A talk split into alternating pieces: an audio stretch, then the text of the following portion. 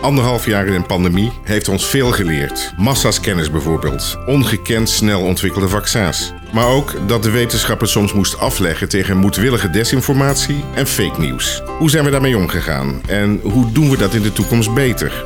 In acht podcasts spreek ik met deskundigen die hiermee hebben moeten worstelen. Mijn naam is Ruud Kolen van Brakel en ik ben directeur van het Instituut Verantwoord Medicijngebruik. Welkom, Thomas Dorlo. Uh, misschien uh, wil je jezelf uh, introduceren voor ons?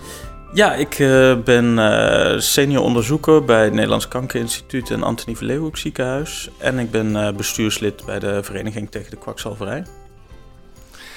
Het thema is hoe ga je om met de informatievoorziening en ook met nepnieuws. Af, als je naar, kijkt naar het afgelopen jaar, hoe zijn jullie als vereniging, maar misschien jij als persoon, ook daarmee geconfronteerd? Uh, ja, als vereniging zijn we natuurlijk uh, wel een aantal keer uh, gevraagd om onze mening over bijvoorbeeld chloroquine of hydroxychloroquine. En nou ja, is dat nou kwakzalverij? Is dat geen kwakzalverij? er zijn best wel wat vragen over gesteld. Um, bij ons binnengekomen, bij ons secretariaat.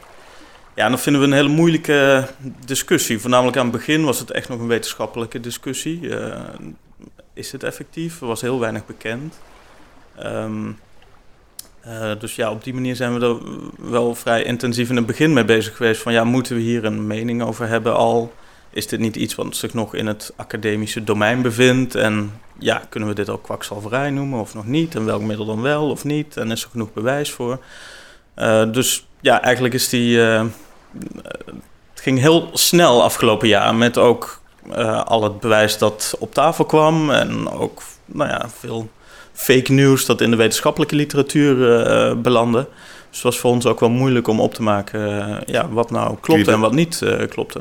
Kun je daar eens voorbeelden van noemen? Fake nieuws dat in de wetenschappelijke literatuur belandt? Nou ja, de eerste studie over hydroxychloroquine vanuit Marseille, die, ja, dat is, was duidelijk wel een gechargeerde studie die niet even netjes met randomisatie omging en nou ja, niet helemaal netjes gecontroleerd ook. En ja, uiteindelijk is ook wel gebleken uit grotere studies dat het gewoon weinig uh, uithaalde bij patiënten. Dus daar zijn wel valse conclusies uit uh, getrokken in het begin.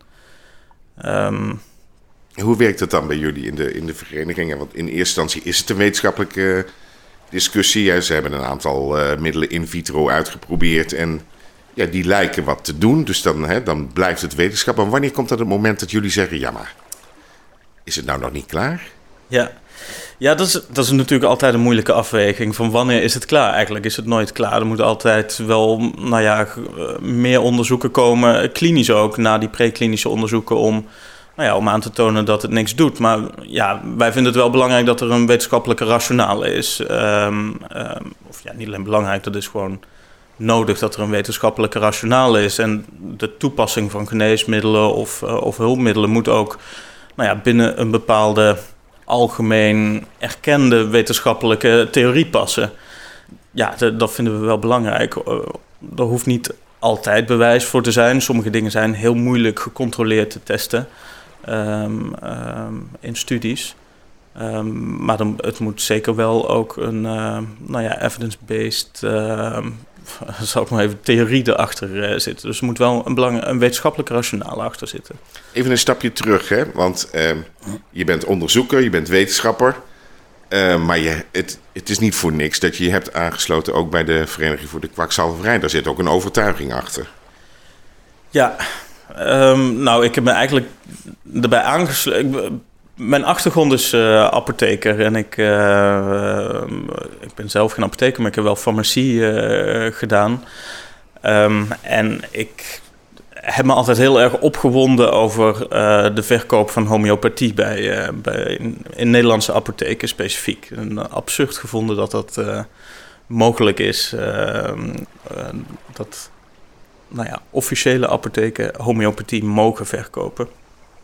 Uh, en eigenlijk heb ik me daarvoor aangesloten bij de Vereniging tegen de Kwakzalverij... om, om daar iets tegen te kunnen doen. Of in ieder geval een tegengeluid te kunnen geven van... ja, hey, dit, dit klopt gewoon niet dat we zoiets uh, acceptabel uh, vinden. ja, en zo ben ik eigenlijk bij de vereniging beland en uiteindelijk ook bestuurslid geworden. En, en ja, tegenwoordig hou ik me voornamelijk bezig met, met homeopathie en, en traditionele Chinese geneeskunde. ook alternatieve geneeskunde meer in, in internationale zin. Dus ja, bij de WHO uh, heb ik een aantal stukken over geschreven hoe dat gepusht wordt binnen de WHO. Want jouw onderzoeksgebied is tropische geneeskunde? Eh, ja, mijn onderzoeksgebied is uh, farmacokinetiek en farmacodynamiek. Dus hoe geneesmiddelen worden opgenomen en afgebroken in het lichaam. En ik, ik heb een onderzoekslijn binnen tropengeneeskunde, maar ook binnen oncologie natuurlijk. Ik werk bij het Nederlands Kankerinstituut ook. En als je nou naar het afgelopen jaar kijkt, wat is je dan bijgebleven als het meest flagrante nepnieuws wat je bent tegengekomen? Ja, het meest flagrante. Ik denk uh, een van de meest absurde dingen die ik laatst gehoord uh, heb is uh, dat mensen magnetisch waren geworden na, na vaccinatie. Dan vraag je je af hoe, hoe zijn mensen op dat idee gekomen dat ze nou ja, ten eerste naar gaan zijn zoeken. Want mensen moeten natuurlijk ga je, als je een beetje kritisch bent, ga je alles voelen. Je gaat nadenken welke bijwerkingen je hebt. En uh, ja, voel ik daar iets, voel ik hier iets. Maar dat je dan op het idee komt dat je magnetisch bent geworden en dat er lepeltjes aan je vast uh, na vaccinatie. Dat ja, vind ik een aparte gewaarwording. Dat je dat ook gaat uitproberen, dat is ook zo. Ja, nou, of zijn ze dat per ongeluk achtergekomen. Dat ze te dicht bij een kopje koffie kwamen. En dat er dan een lepeltje aan, uh, aan een pols blijft hangen of zo. Ik, ik weet het ook niet. Maar ja, ik begrijp wel dat je dat zo werkt het met bijwerkingen natuurlijk. Je gaat elk pijntje en elk, nou ja, elk klein dingetje ga je, ga je extra voelen. Een uh, soort uh, nou ja, ik, tegenovergesteld placebo-effect. Ja. Ik kan me herinneren dat heel wat jaren geleden in een, in een vorige werkkring zijn wij ooit eens met een aantal collega's naar Tiel geweest in de markthallen waar Jomanda destijds, destijds optrad en ingestraald water verkocht. En een totaal volle, uh, volle markthal. En sindsdien ben ik nergens meer verbaasd over wat mensen geloven. Ja. Dus op de een of andere manier is de drempel ook heel erg laag om vertrouwen te hebben in iets waarin je vertrouwen wil hebben. Ja, het, het, lijkt wel alsof. alsof mensen soms. De mens is natuurlijk een, een rationeel wezen en probeert iets. Uh, alles te rationaliseren. Maar uiteindelijk zijn er af en toe van die vreemde dingen waar mensen dan toch in gaan geloven en daar helemaal invallen en er heel moeilijk uit kunnen komen. En uh, ja, ik, uh, ik vind het op zich niet zo heel vreemd dat mensen dan zo'n zo'n soort secte leiden of, uh, nou, of een Jomanda gaan, gaan volgen. Maar vooral, ik vind het voornamelijk vreemd dat zo'n Jomanda eigenlijk daar op het idee komt om dat uit te dragen. En daar zelf zo helemaal voor gaat. En ja, soms zijn er natuurlijk mensen met een, nou ja, met een, een bepaalde psychiatrische afwijking of een, nou ja, op het psychiatrische spectrum. Uh, maar soms zijn het ook hele nou ja, rationele mensen zonder uh, pathologische afwijking, die daar, nou ja, dat toch invallen eigenlijk in die, in die valkuil van uh, nou ja, iets, iets vreemds geloven en, daar, en zich daar zelf steeds dieper ingraven in die valkuil. En ja, het is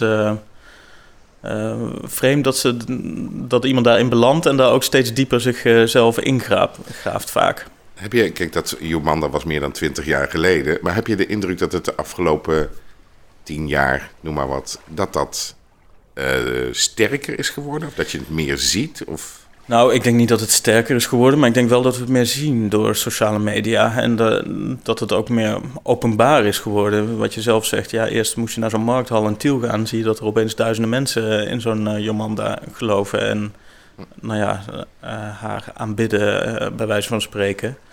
Um, en, maar ja, moest je daar echt fysiek heen gaan. En nu ja, hoor je alles uh, open en bloot op uh, Twitter, Facebook, als je bij de goede groepen aangesloten bent. Um, en is het natuurlijk veel meer openbaar geworden. Dus ja, ik weet niet zozeer of het echt meer Het is zichtbaarder. En het is makkelijker toegankelijk. Het is makkelijker bereikbaar, die informatie. Ja, misschien dat het op die manier ook wel meer mensen aantrekt. Maar ja, dat is moeilijk te kwantificeren natuurlijk. Nou, hoe erg is het? Um, wat bedoel je precies met hoe erg? Nou, hoe, hoe, erg is het dat dit soort nepinformatie, dat dat verspreid wordt? En wij, wij vinden dat dat nepinformatie is. Hè? Er zijn natuurlijk heel veel mensen die zeggen, dat is helemaal geen nepinformatie. Het is de echte informatie. Ja. Um, ja, ik vind, het, ik vind het moeilijk in te schatten. Natuurlijk is het um, vrij schadelijk voor de, uh, voor de publieke gezondheid uh, dat er dit soort nepinformatie over, nou ja, het, bijvoorbeeld over antivaxers die naar voren brengen dat er heel veel bijwerking aan zit. Of dat het niet effectief, dat totaal niet effectief is, het vaccin. Um, natuurlijk is dat soort informatie heel, heel schadelijk voor de publieke opinie over dat vaccin. Maar uiteindelijk zie je toch dat het ja, in Nederland het effect redelijk beperkt is. Ik geloof dat er nu iets van 70, 80 procent eh, vaccinatiebereidheid is en zich ook echt heeft laten vaccineren. Nou, vind ik nog best wel positief geluid eigenlijk. En ik had, verwacht dat als, als het echt meer effect had, al die negatieve geluiden, uh, dat, dat de vaccinatiebereidheid ook veel, uh, veel minder uh, zou zijn. Dus ja, ik vraag me af in hoeverre het echt, of we niet naar een soort van niche zitten te kijken en dat, nou ja, dat opgeblazen wordt door sociale media. Uh, dan dat het echt invloed heeft op nou ja, het algemene, um, ja, bijvoorbeeld vaccinatiebereidheid of algemene publieke gezondheid. Ja, nou, een van de dingen die mij afgelopen jaar is opgevallen, is dat er ook nogal wat mensen zijn met een artsentitel die meedoen aan het verspreiden van informatie die op zijn zacht gezegd alternatief blijkt je hebt het artsen-COVID-collectief. Je hebt een aantal andere groepen die zich verzameld hebben rondom het promoten van allerlei supplementen. Promoten van niet, eh, niet bewezen effectieve behandelingen. Hoe, hoe kijk je daarnaar? Ja, wij als Vereniging tegen de Kwakzalverij vinden dat eigenlijk de, de ergste kwakzalvers, uh, om het zo maar te noemen. En ik weet niet, in, in dit verband zijn het misschien geen kwakzalvers, maar wel fake news verspreiders of uh, alternatieve feiten verspreiders. En ja, mensen met een artsentitel die ervoor door hebben geleerd om,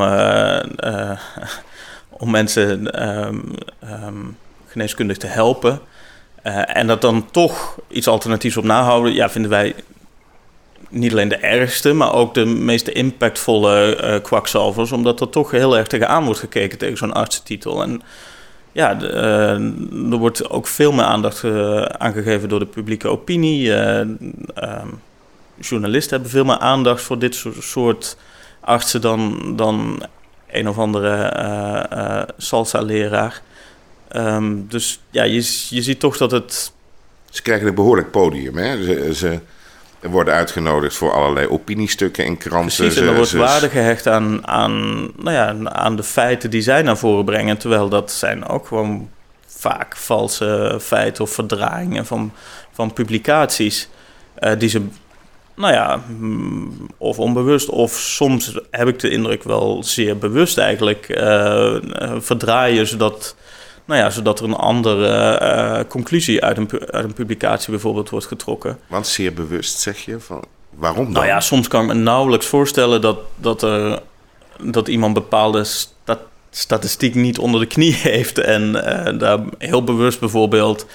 Um, nou ja, um, even denken of ik een voorbeeld weet hoor, maar ik denk dat, dat er recent iets was over het verdraaien van. Um, uh, van beschermingsgraden van uh, dus effectiviteit van vaccins, waarbij er echt werd gekeken naar nou ja, hoeveel, hoeveel patiënten moesten er, of hoeveel patiënten, hoeveel mensen moesten er gevaccineerd worden om, om een dode te voorkomen, bijvoorbeeld. Nou, en dat werd dan zo naar voren gebracht alsof het totaal geen nut had, terwijl dat juist, nou ja, als je het op een andere manier presenteert, die cijfers, op de juiste manier presenteert die cijfers, dan uh, zie je wel duidelijk dat, het, dat, dat die vaccins een heel groot nut hebben, uh, hebben gehad. Maar ja, dat verdraaien van die cijfers, ik kan me nauwelijks voorstellen dat dat onbewust wordt gedaan. En dat, dat, dat er wordt gezocht. En dat past ook wel een beetje bij de strategie van iemand die. twee jaar geleden hadden we een spreker op ons symposium bij de, bij de Vereniging tegen de Kwakzalverij, professor Johan Braakman uit hoogleraar wijsbegeerte uit, van de Universiteit van Gent. En hij, hij sprak altijd over ehm, eh, mensen die in een denkput beland zijn. Dus dat zijn mensen die hele, hele slimme, rationele mensen. En hij had het toen specifiek over artsen die homeopathie uh, toepassen. Maar je kunt het net zo goed toepassen op artsen die uh, antivax geluiden laten horen, bijvoorbeeld. Um, dat zijn mensen die nou ja, bijvoorbeeld anekdotisch bewijs hebben gevonden voor iets. Bijvoorbeeld uh, hydroxychloroquine doet het supergoed. Of, uh, of nou ja, dat vaccin is toch niet helemaal veilig. Hebben iets gezien in een praktijk en zijn daar zo door aangegrepen. Door, dat, door, die, door die ene patiënt of, of dat kleine groepje patiënten dat zij hebben gezien. Of, of dat idee dat ze hebben gekregen. dat ze zichzelf in een put hebben gegraven. En eigenlijk elke keer dat ze worden aangevallen daarop ze, zijn zo, ze hebben zich zo geaffilieerd met, dat, met hun put en dat idee, mhm. dat ze eigenlijk steeds dieper gaan graven. Ze gaan steeds meer erbij halen om, eh, nou ja, om toch maar aan dat aan die overtuiging vast te kunnen houden. Ze zien ook niks anders meer. En ze zien niks anders meer, precies. En ze, ja, ze zijn, zijn hele rationele mensen. Ik bedoel, ze hebben een, studie geneeskunde afgerond. Het zijn zeker niet de, domste eh, mensen die, die dat uitdragen. Dat, dat, is dan toch een raar fenomeen. Hè? Je bent, je bent uh, wetenschappelijk opgeleid. Natuurlijk kun je een overtuiging hebben van... ik denk dat, dit, dat ik hier iets heb, dat dit werkt.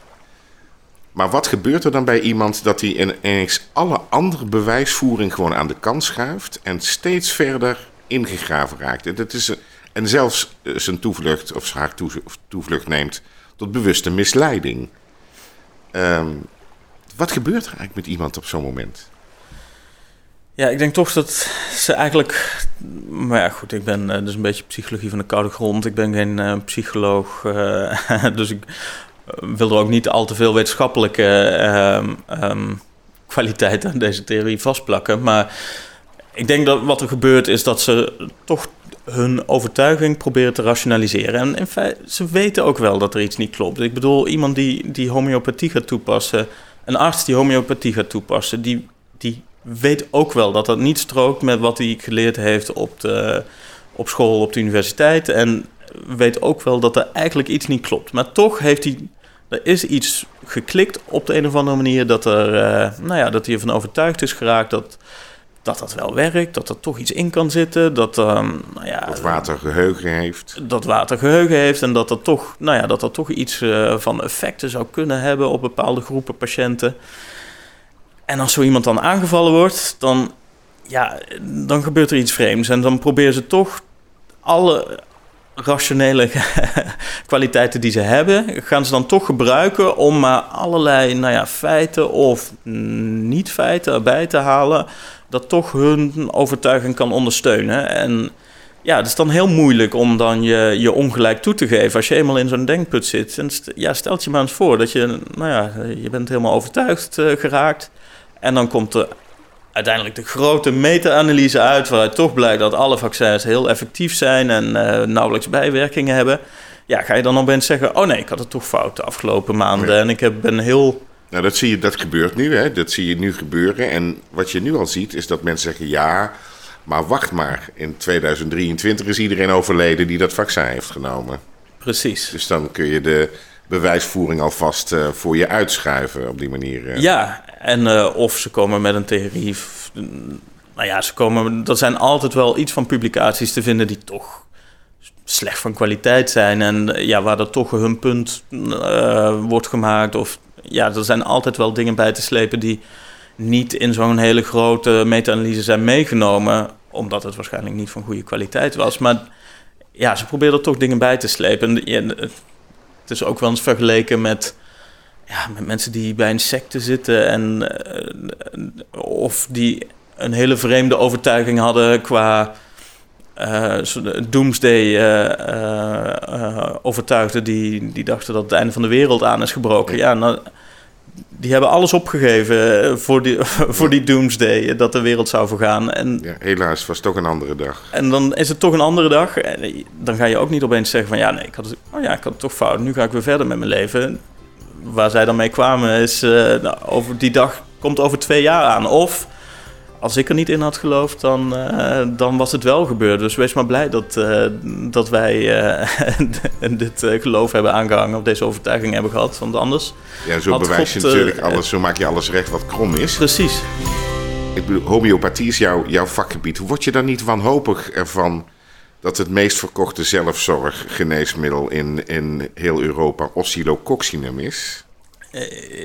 ja, ik word er ik vind het treurig en uh, ik weet niet of ik er wanhopig van word, maar het is wel heel treurig. Dat, het is toch een, een lacune in, uh, nou ja, in, in, informatieverstrekking aan, aan, uh, aan het publiek, denk ik. En ja, ik, ik denk dat, dat beroepsverenigingen daar een veel betere rol in moeten spelen om ervoor te zorgen dat dit soort middelen gewoon geen ondersteuning krijgen of impliciete erkenning krijgen die ze nu hebben. Als dit wordt verkocht bij apotheken en ja, natuurlijk gaan mensen het kopen, want het wordt gewoon verkocht. En ja, soms je kunt het zelfs aanvullend verzekeren uh, af en toe. Dus de verzekering vergoedt het, ja, dan zal het toch wel uh, goed zijn. Dus dat, dat soort impliciete erkenningen, daar moeten we vanaf. Ja, nou, oscillococcinum vergoeden ze gelukkig niet, maar goed. Uh... Nee, maar wel andere ja. alternatieve... Je, je, je noemt al beroepsverenigingen, hè? want wat, als je nou kijkt naar bijvoorbeeld artsen die zo'n pad zijn gaan bewandelen... Um, Zouden beroepsverenigingen daartegen op moeten treden? Diepe zucht. Ja, ik, ik vind het moeilijk, want het is... Kijk, een beroepsvereniging kan um, iets doen tegen iemand die de regels overtreedt... Uh, van die beroepsvereniging. Maar de, ja, het is maar de vraag of deze mensen echt de regels overtreden van de beroepsvereniging. Ik denk wel dat, dat de beroepsvereniging, beroepsverenigingen uh, zich sterker zouden kunnen uitdrukken dat dit niet het standpunt is van de, van de vereniging. En ja, ik vraag me af in welke zin ze er echt. In België zijn de artsenorganisaties dit soort artsen gaan schorsen. Ja, ja ik vind het moeilijk om daar een uitspraak over te doen. Ik, uh, ik weet niet in hoeverre daar, daar echt mogelijkheden toe, toe zijn. Uh, maar ja, nogmaals, ik denk wel dat er, dat een veel sterkere eh, boodschap vanuit beroepsverenigingen zou kunnen komen voor dit soort, nou ja. Ja, of die, of die mogelijkheden juridisch uh, steekhoudend zijn, dat weet ik, weet ik ook niet. Maar wat is jouw overtuiging daarbinnen? Zou er, zou er steviger tegen opgetreden moeten worden? Of zou, ja. je, zou je andere maatregelen moeten nemen om dat geluid wat minder sterk te maken? Ik vraag me af of het effect heeft op, op het geluid. Want kijk, je kunt mensen niet hun, uh, hun dokterstitel afnemen. Als iemand uit het beroepsregister wordt uh, geschrapt, dan oké, kan hij misschien niet meer praktiseren. Maar ja, uiteindelijk, diegene zal zich wel blijven afficheren als, uh, als opgeleid arts. En, en, en misschien maak je het probleem alleen maar erger door, door, ja, door, de echt, door mensen echt als outcast te behandelen. En ook echt in een status. Ja, en een geuzenstatus te verlenen, maar ook in een hoekje te duwen. En ja, dan, ja, dan is de mogelijkheid tot, tot, uh, tot discussie ook voorbij eigenlijk. En de, daar ben ik ook een beetje bang voor. Alhoewel de vraag is natuurlijk of überhaupt discussie mogelijk is en of dat effect heeft als mensen zich toch alleen maar dieper ingraven in, een, in, in zo'n denkput waar ik het eerder over Maar wat zou je dan moeten doen? Kijk, jullie als vereniging publiceren met naam en toenaam mensen van waarvan jullie eh, vinden dat die over de schreef gaan? Ja, kijk, dat is eigenlijk ons enige middel. Wij, wij kunnen naming en shaming kunnen wij uh, uh, doen van mensen die volgens ons de, de, de grenzen overgaan van reguliere geneeskunde naar kwakzalverij.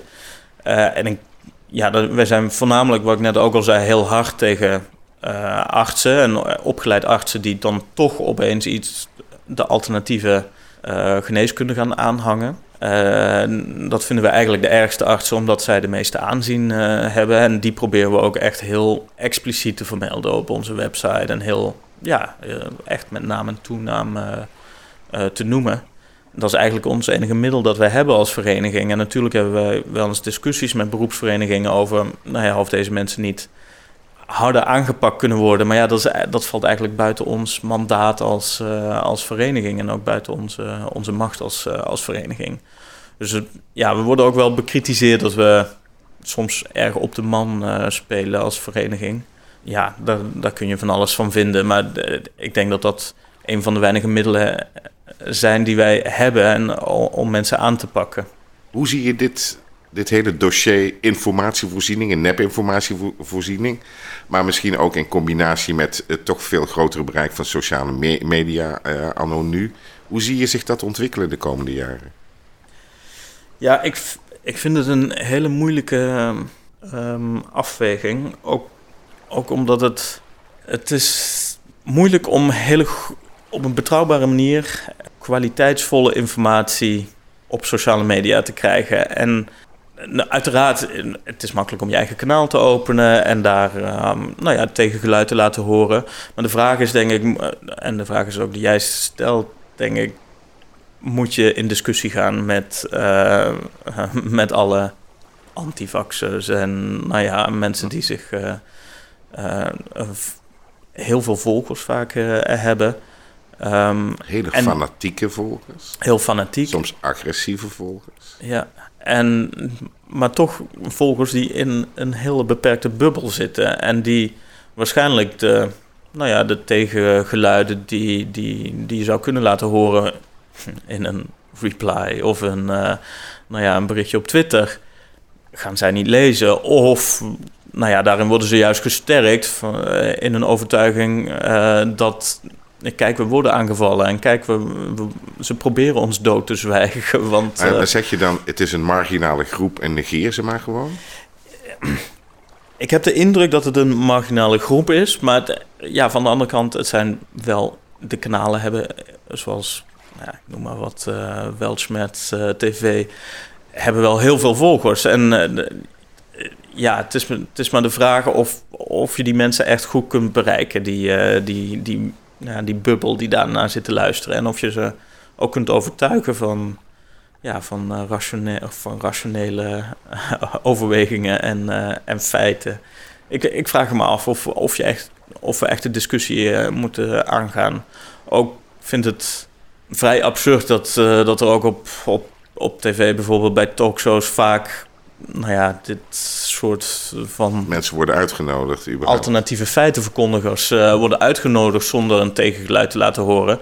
Maar van de andere kant vind ik het ook weer moeilijk van... ja, moet je ze serieus gaan nemen? Want eigenlijk, het, het, zijn, het zijn geen serieuze discussies die je hebt. Er worden allerlei... Als er een discussie uh, met ze komt, dan, dan nou ja, kom je van de, enige, van de ene... Um, ja, ik heb wel eens gedacht de afgelopen jaar er worden mensen uitgenodigd bij talkshows die je vroeger alleen zag in Man bij het Hond. ja, ja. Ja, ik denk dat ze, dat ze minder serieus werden genomen als ze bij Man bij het Hond uh, kwamen dan, uh, Was het meer vermaak? bij een talkshow. Ja. ja, nee, daar ben ik eigenlijk mee, helemaal met je eens. Ja. Dus als het jullie ligt, naming en shaming, dat is wat, wat de vereniging tegen de kwakzalverijen doet. Dat blijven jullie ook doen? Of hebben jullie ook eh, discussies over de methode die jullie zelf hanteren? Nou, we hebben zeker wel discussies ook over de toon die we voeren. Ook intern uh, binnen de vereniging zijn er, zijn ook wel stromingen. Uh, die vinden dat we de toon een beetje moeten aanpassen. toon is misschien ook wel vrij agressief geweest de afgelopen nou ja, 10, 20 jaar. En ik denk dat het ook wel iets minder is uh, geworden de afgelopen, uh, afgelopen dus tijd. Dus jullie worden wat redelijker en de uh, schreeuwers op de social media worden agressiever. Dat wordt nog wat. ik denk dat we sowieso wel blijven nemen en shamen. Maar de discussies voeren, denk ik, um, um, heeft weinig, weinig zin eigenlijk. Ook om... om omdat er, ja, je, je komt in een soort van spiraal terecht waarbij je, je komt nooit tot elkaar. En, en eh, je zit iemand alleen maar meer in te graven in de denkput die ze hebben. En ja, ik, ik denk dat het weinig zin heeft om, uh, om daar echt, om actief een discussie aan te gaan. Heb je nog iets optimistisch om ons mee te geven? Nou ja, het optimistische denk ik dat eigenlijk alle antivaxgeluiden die je hebt gehoord... eigenlijk weinig effect hebben gehad op de vaccinatiegraad die we tot nu toe zien. Dus wat dat betreft denk ik alsnog dat ook al hebben ze duizenden volgers en zijn er enorm veel luisteraars en, en kijkers naar al die YouTube-kanalen en andere kanalen, heeft het denk ik toch vrij weinig impact gehad op de al, algehele publieke opinie. Um, en ja, is het toch een beetje een niche naar, waar we naar zitten te kijken. Een, een kleine, een kleine bubbel die wel heel luid roept, maar ja, niet heel veel zoden aan de dijk heeft gezet qua effecten. Thomas Dorlo, dankjewel.